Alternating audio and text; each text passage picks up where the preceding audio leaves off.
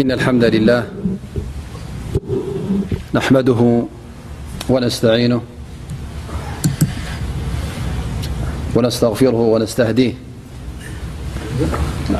وي نعوذ بالله من شرور أنفسنا ومن سيئات أعمالنا من يهده الله فلا مضل له ومن يلل فلا هادي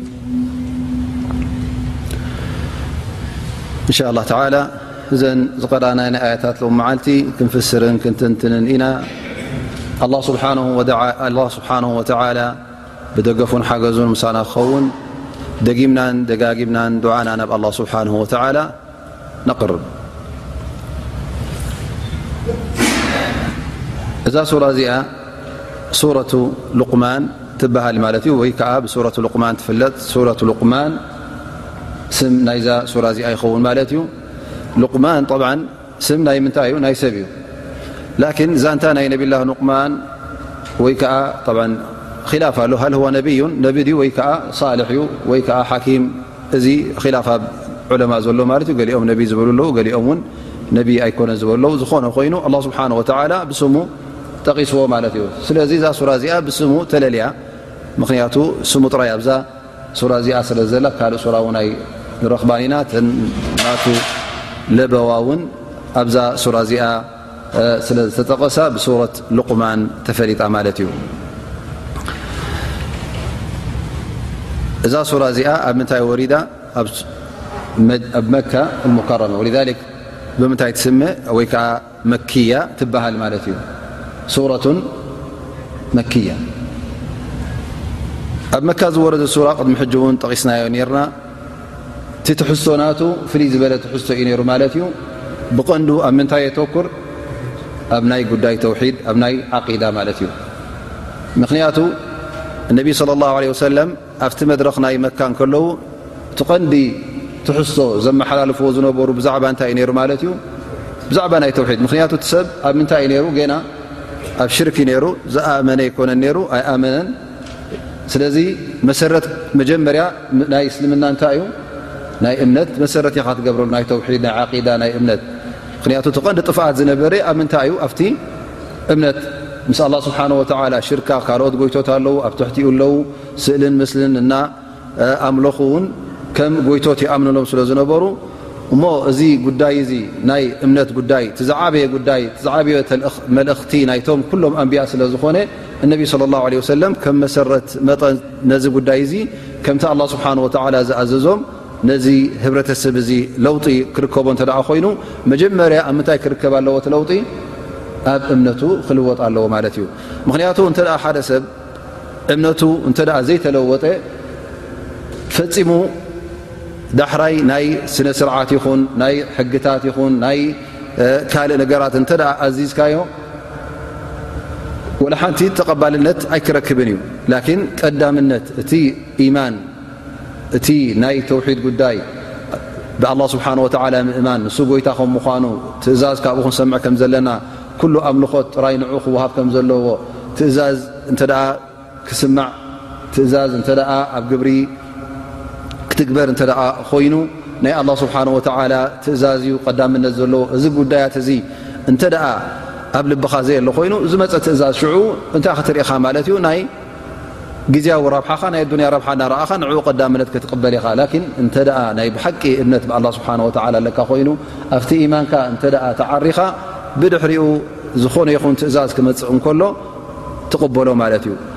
ከምቲ ዓይሻ ረ ላ ዓንሃ ዝበለቶ እውን እነቢ ለ ላ ለ ወሰለም መጀመርያ ተልእኽቶቲ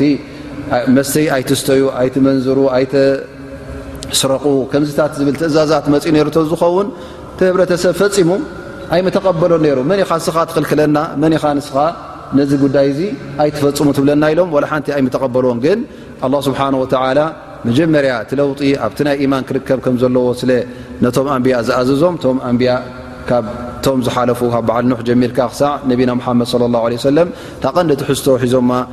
ናብ ህብረተሰቦም ዘመሓላልፍዋ ዝነበሩ ጉዳይ ተውሒድ እያ ነይራ ማለት እዩ። ስለዚ ኣብቲ መጀመርያ ዳዕዋ ዝገብርዎ ዝነበሩ ነቢ صለ ላه ለ ወሰለም እውን ኣብ ምንታይ የተኩሩ ነይሮም ኣብ ጉዳይ ኢማን ነቲ ኢማን ናይ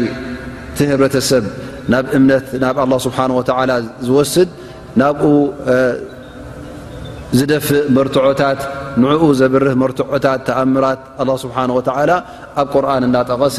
ነቢና ምሓመድ صለ ላه ለ ወሰለም እውን ናብቲ ህዝቢ ናብቲ ህዝቦም ናብቲ ህብረተሰቦም እውን የብፅሑ ነይሮም ማለት እዩ ስለዚ እዛ ሱራ እዚኣ እቲ ቀንዲ ትሕዝቶኣ እንተ ርእናዮ ኣብ ምንታይ ክኸውን ማለት እዩ ኣብ ምንታይ ኣተኪሩ ኣሎ ኣብ ጉዳይ ተውሒድ ንገዛእ ርሱ ተውሒድ እውን ኣላ ስብሓን ወተላ ነቲ ህብረተሰብ ኣብ ናይ ተውሒድ ዳዕዋ ክገብረሉ ከሎ ወይ ከዓ ሓበሬታ ክህቦ ከሎ ኣላ ስብሓን ወተላ ብብዙሕ መንገድታት ብዙሕ ተኣምር ብዙሕ ጭብጥታት የቕርበሎም ነይሩ ማለት እዩ ኣላ ስብሓን ወተላ ጉዳይ ናይ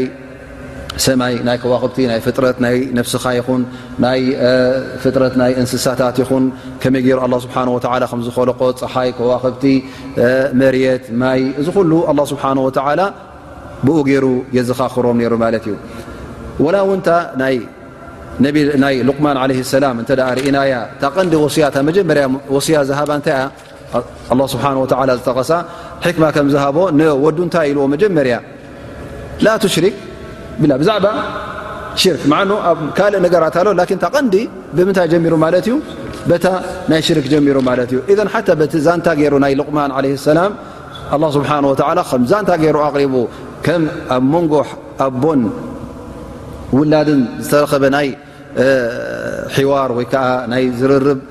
ከቕርብ እንከሎ ኣቦ ንወዱ ከመይ ገይሩ ለበዋ ከም ዝሃበ እንታይ እንታይ ዓይነት ለበዋታት እዩ ነይሩ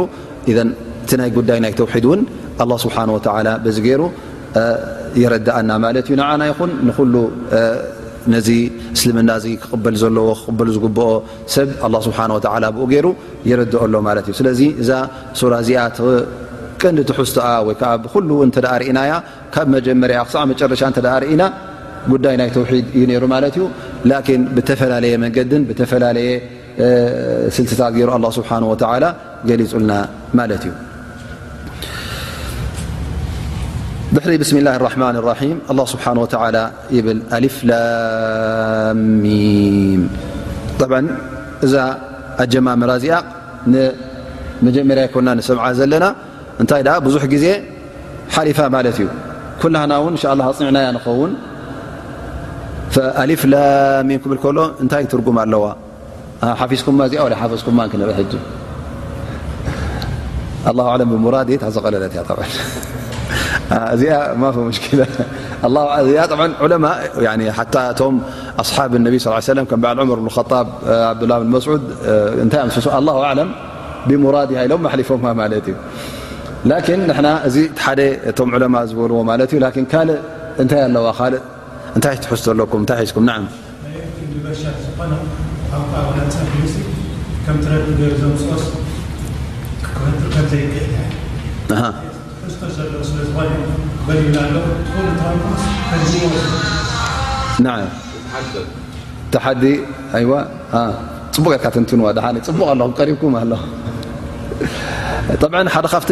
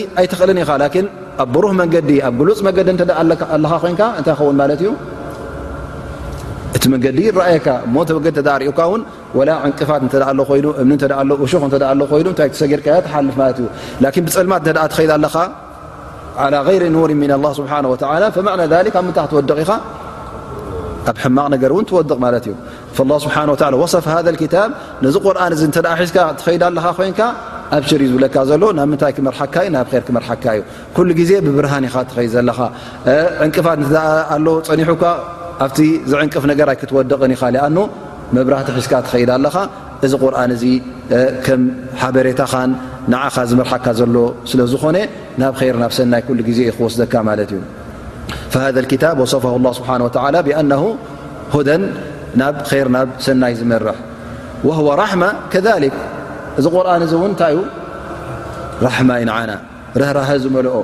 ኣን ላ ስብሓ ወላ እንተ ርእናዮ እቲ ዝኣዘዘና ጉዳያት ኩሉ ንክንፍፅሞ ሃል ንዓና ዝጎዲ እዩ ወይስ ንዓና ዝጠቅም ንዓና ዝጠቅም ረብሓ ዘለዎ ማለት እዩ ኣብ ኣዱንያ ይኹን ኣብ ኣራ ኣብ ርእሲኡ እውን እዚ ነገር እዚ እቲ ትእዛዛት ኣላ ስብሓን ወላ ዝኣዘዘና ክንፍፅሞ ንኽእል ወይስ ኣይኮነን ንኽእል ኢና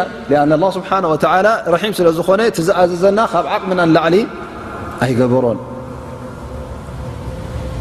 መን ኣሎ ንኣላ ስብሓ ወላ ስለምንታይ እስኻ ኣኽቢድካልና ወይ ከዓ ኣፍኲስካልና ስለምንታይ እዚአን ፈርዲ ከምዚአን ጌርካ ሎ ዝሓቶ ሰብ ኣሎ ወላ ሓደ ዝሓትት የለን ላ ይስኣሉ ኣማ የፍዓሉ ም ይስኣሉን ፈፂምና ክንሓቶ ይንኽእልና ላኪን ኣላ ስብሓ ወላ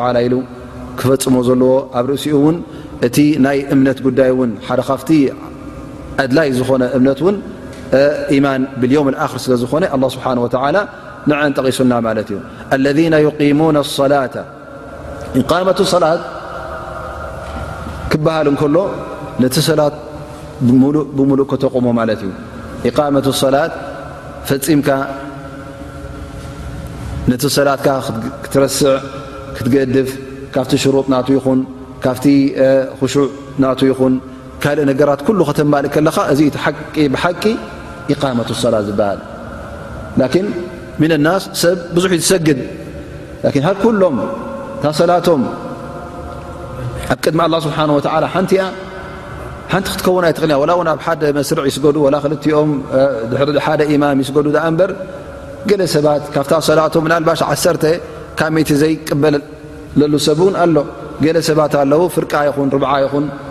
ዝንክይዎም ኣለዉ ማለት እዩ እንታይ ስለ ዝኾኑ እዮም ብሓደ ዶ ይነበሩ ናብ ሓደ መስጊድ ዶ ይሰገዱን ብሓንሳእ እነውዱ ኣይገበሩን እዚ መን እዩ ዝፈላልዮ ኣላ ስብሓን ወተላ ከምቲ ናካ እክላስ ቀዳማይ ነገር ትቐንዲ እክላስ ዘለዎ ክኸውን ከሎ ከምኡ ውን እቲ ውዱእ ኣገባብራ ናካ ትጠሃራ ናካ እቲ ሽሩጥ ናይ ውዱእ ምምላእካን ዘይምምላእካን ኣሎ ማለት እዩ ድሕሪኡ ይ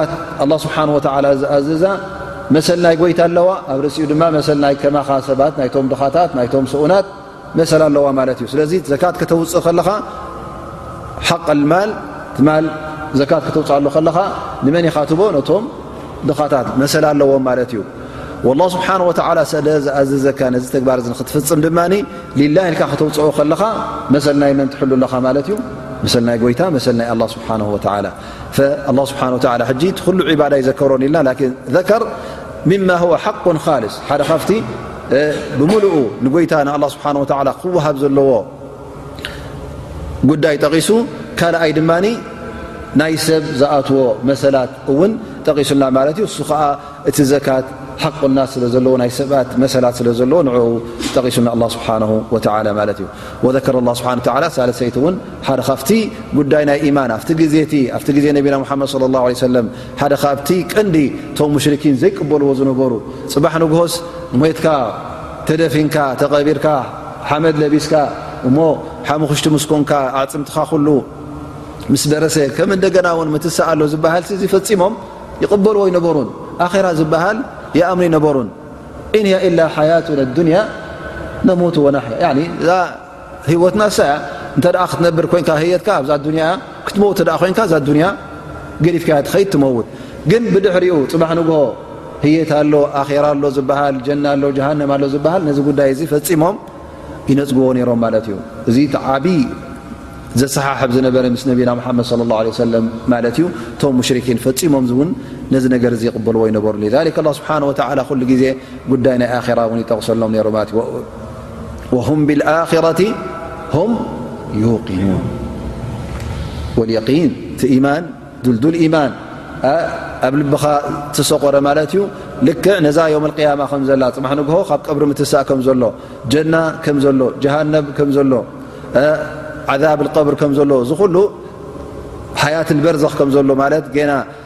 ሰብ ምስ ሞተ ውን ክሳዕ ዮም ኣልቅያማ ዘሎ እዋን እውን እዚ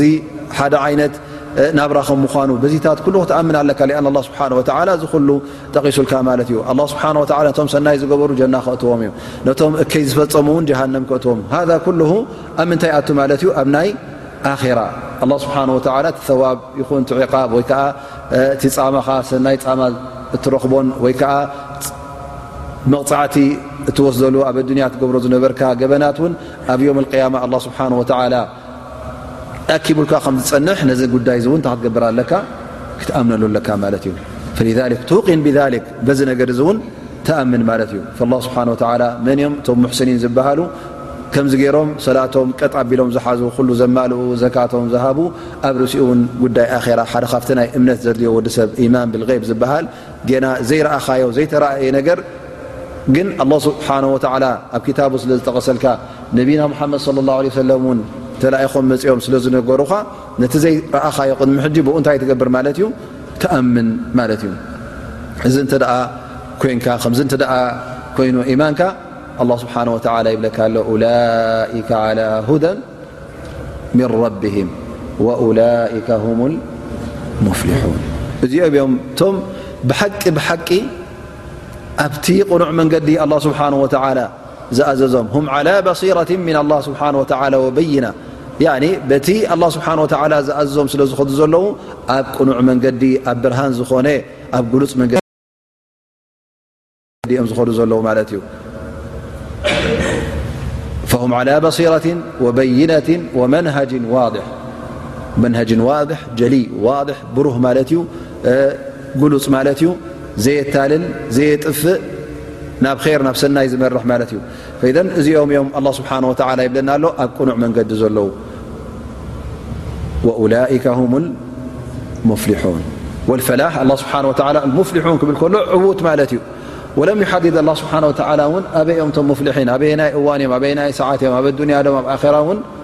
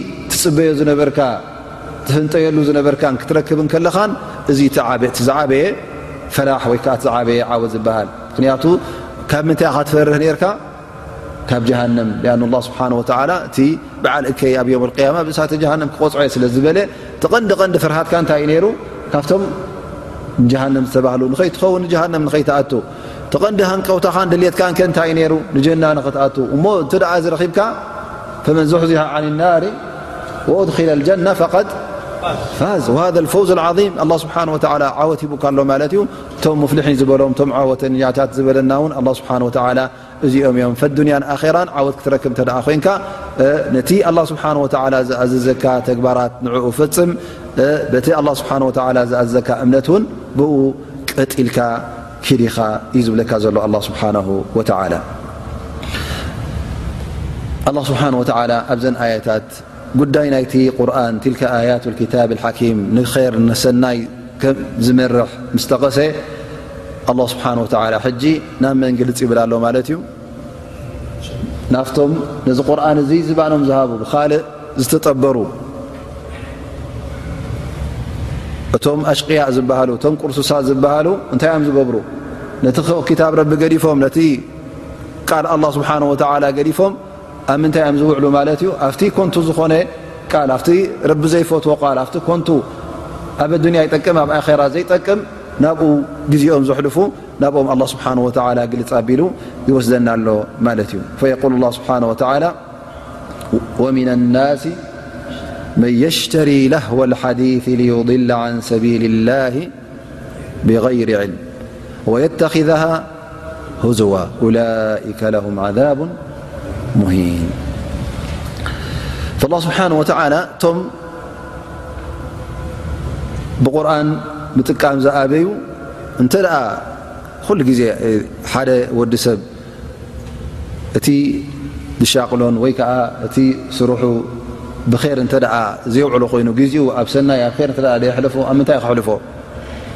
ኣብ ኮንቲኡ ክሕልፎ ማለት እዩ ፈማ ኣን የሽغላ ነፍሰ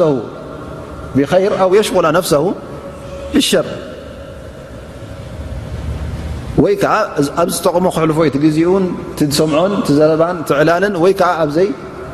ጠቕሞ ማለት እዩ ፈለذ ኣዕረض ን ክታብ ላ ነቲ ቁርን እቲ ምጥቃም ዝኣበዩ ፀማም እዝኒ ዝሃብዎ ናብ ምንታይ እዮም ክኸዱ ማለት እዩ ኣብ ካልእ ኮንቱ ዘረባታት ክኸዱ ማለት እዩ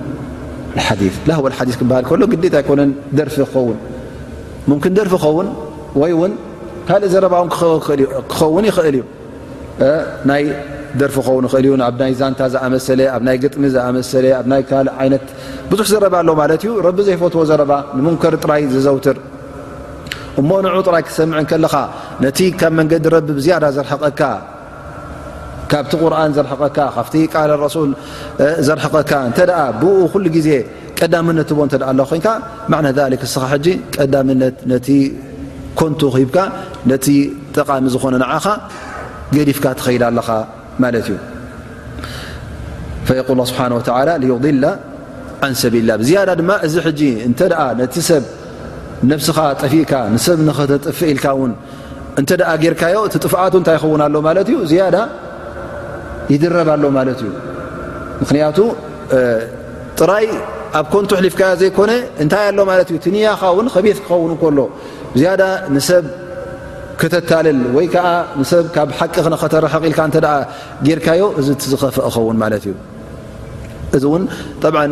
እቲ ምስቲ ኣብ ግዜ ነቢና ሙሓመድ ለ ላ ለ ሰለም ዝነበረ ጉዳይ ከነተኣሳስሮ እንተ ኮይና ምናልባሽ ኣብቲ ግዜ ነቢና ሓመድ ለ ለ ሰለም ዝተረኸበ ጉዳይ ነይሩ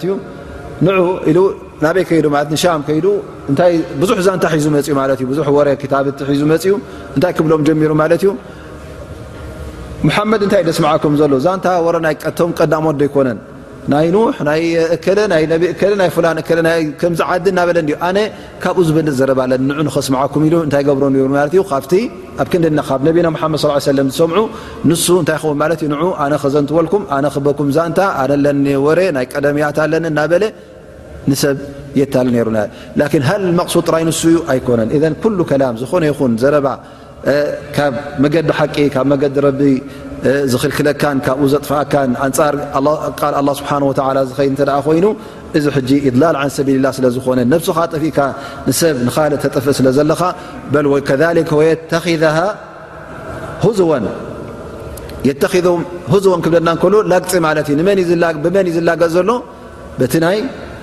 ክታብ ኣላ ስብሓን ወተላ በቲ ሰቢል ላ ዝተባህለ በቲ መንገዲ ሓቂ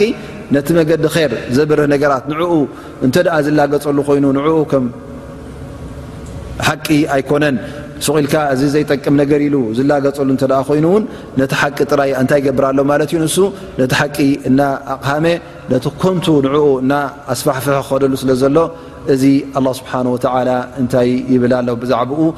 ፅባሕ ንግሆ ኣላ ስብሓን ወተላ ይል ኡላይከ ለሁም ዓዛቡ ሙሂን እዞም ከም ዝኣመሰሉ ሰባት ካብ ኼር ዝዓግቱ ዘለዉ ብሕማቕ ዘረባታት ካብቲ ቃል ኣላ ስብሓን ወተላ ቃል ነቢ ሙሓመድ ስ ሰለም ካብኡ ዘርሕቑ ዘለዉ እዞም ሰባት እዚኦም ኣላ ስብሓን ወተላ ፅባሕ ንግሆ ሓያል ዝኾነ ስቃይ ኣሕሳሪ ዝኾነ ስቃይ እውን ኣዳልዩሎም ኣሎ ለሁም ዓዛቡን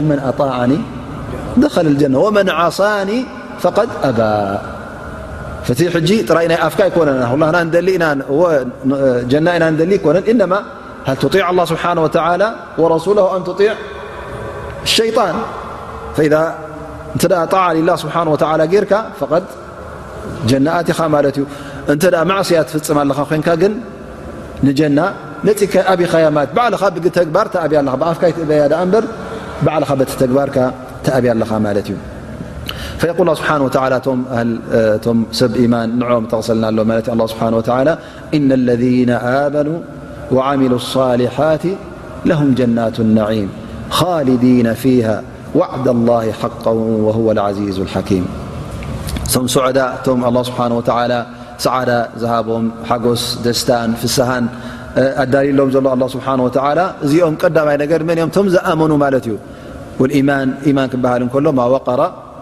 ፍልቀልብ ወሰደቀሁ ልዓመል ማን ክበሃል እከሎ እቲ ናይ ብሓቂ ኢማን ኣብ ልብኻ ዝተወቐረ ክኸውን ኣለዎ ኣብ ልብኻ ተሰቆረካ ክኸውን ኣሎ ማለት እዩ ላኪን ናይ መልሓስ ኢማን ጥራይ እኹል ከምዘይኮነ ኢማን ክበሃል እንከሎ እቲ ናይ ብሓቂ ኢማን ይኸውን ማለት እዩ ስብሓ እቶም ለذ ኣመኑ ክብሎ ከሎ ስቕ ኢልካ ኢማን ኣይኮንካ ናይ መልሓስካ ቃለት ኣዕራቡ ኣመና ቁል ለም ትእሚኑ ከመይ ገሮም ሰብ ኣሚና ኢና እናበሉ ከሉ ኣ ስብሓ ኣይኣመንኩም በሎም ዝብሎ ዘሎ ስብሓ ነቢና ሓመድ ስ ሰለም ኢማንም ናይ ብሓቂ ጥራ ኣይኮነን ነይሩ ኣብ ልቦም ኣይኣተወን ነቢ ስለ ላ ሰለም ስለ ተዓወቱ ተዓወት ስለ ዝረኣይዎ ንሕናስ ምስኦም ዘይንኸውን ኢሎም ኣትዮሞ ማለት እዩ ምስ ሰቦም ይሰግዱ ምስ ሰቦም ይፀሙ ነሮም ማለት እዩ ላን እቲ ናይ ብሓቂ ኢማን ኣብ ልቦም ኣይኣተወ ነይሩ ላ ስብሓን ወተላ ካብ ሰብ እውን እቲ ዝደልዮ ኢማን ኣየና እዩ እቲ ተግባር ናብ ተግባር ዝመርሕ ኢማን እዩ ዳኣ እምበር ሱቅ ኢልካ ጥራይ ናይ መልሓስ ኢማን ኣይኮነን ማለት እዩ ክንደይ ሰብ ኣሎ ሎሚ ኣነ ሙእሚን እየ ኣነ ኣስላማ የብለካ ላን ካብቲ እስልምና እተ ርእኻዮ ወላ ሓንቲ ካብ ሚእቲ ኣይሰርሐን እዩ ከመይ ገይሩ እስልምና ኣብ እስልምና ኣለኹ ብል ከመይ ከ ገይሩ ኣብ ኢማን ኣለኹ ብል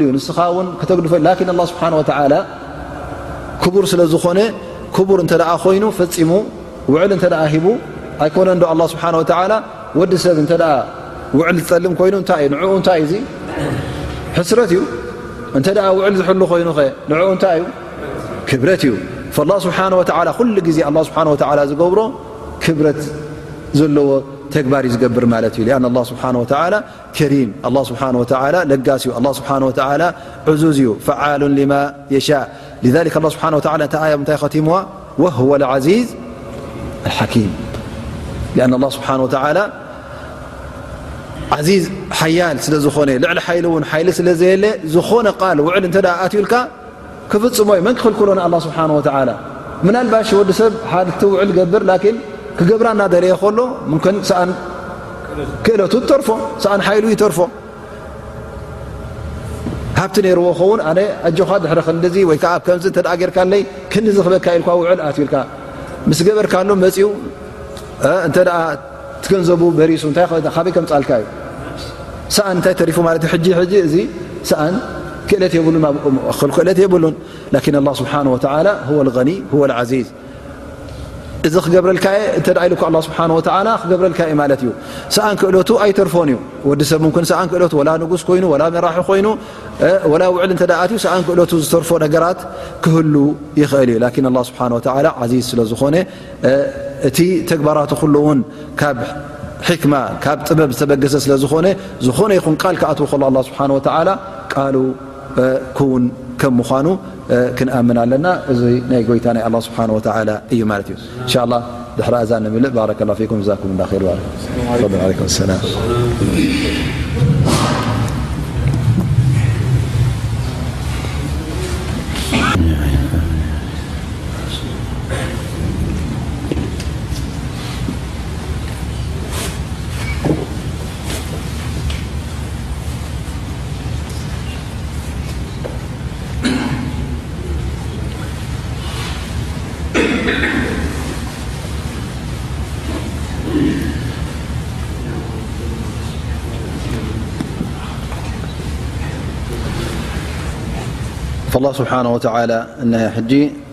ኣብዘን ኣያታት እዚአን እቲ ነቶም ምእመናን ነቶም ሙእምኒን ኣዳልሎም ዘሎ ጀና እዚ ጀና እዚ ክውን ከም ምዃኑ ክኣምን ኣለዎም ማለት እዩ እንተ ብሓቂ ኣብ መንገዲ ር ኣብ መንገዲ ረቢ ፀኒሖም ኣጀኹም እዩ ዝብሎም ዘሎ ስብሓ እቲ ቃል ኣትልኩም ዘሎ ስብሓ ኮን ከም ምዃኑ ዘጠራጥር ነገር እውን ኣይኮነን። ስለዚ እዚ ብስራት ማለት እዩ ንዓኻ ንገዛ ርእሱ ንላ ስብሓን ወተላ ኣጆኻ ክብለካ ከሎ እቲ ኣዳልየልካ ዘለኹ ጀና እንተ ደኣ መገዲ ኢማን ሒዝካ ትኸይዳ ኣለኻ ኮንካ ሰናይ ተግባራት ትሰርሕ እንተ ደኣ ኣለኻ ኮንካ እቲ ኣዳልየልካ ዘለኹ ጀና ሓቂ እዩ ስለዚ ቀፅል ኣብቲ ዘለኻዮ እዚ ንዓኻ ዓብ ብስራት እዩ እሞ ኣላ ስብሓን ወተላ ኣንቱም ሰብ ኢማን እቲ ኣዳልልኩም ዘሎ ቦታን ጀናንሲ ኣጆኹም ኣይሓልፈኩምን እዩ ክትጠራጠሩ እውን የብልኩምን ፈፂምኩም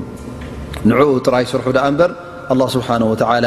ፈፂሙ እቲ ዝሃበኩም ቃል እቲ ዝኣተወልኩም ቃል ፈፂሙ ኣይ ክኽሕደኩምን እዩ ስለዚ ኣላ ስብሓን ወተላ ንዓና ብስራት እናሃበ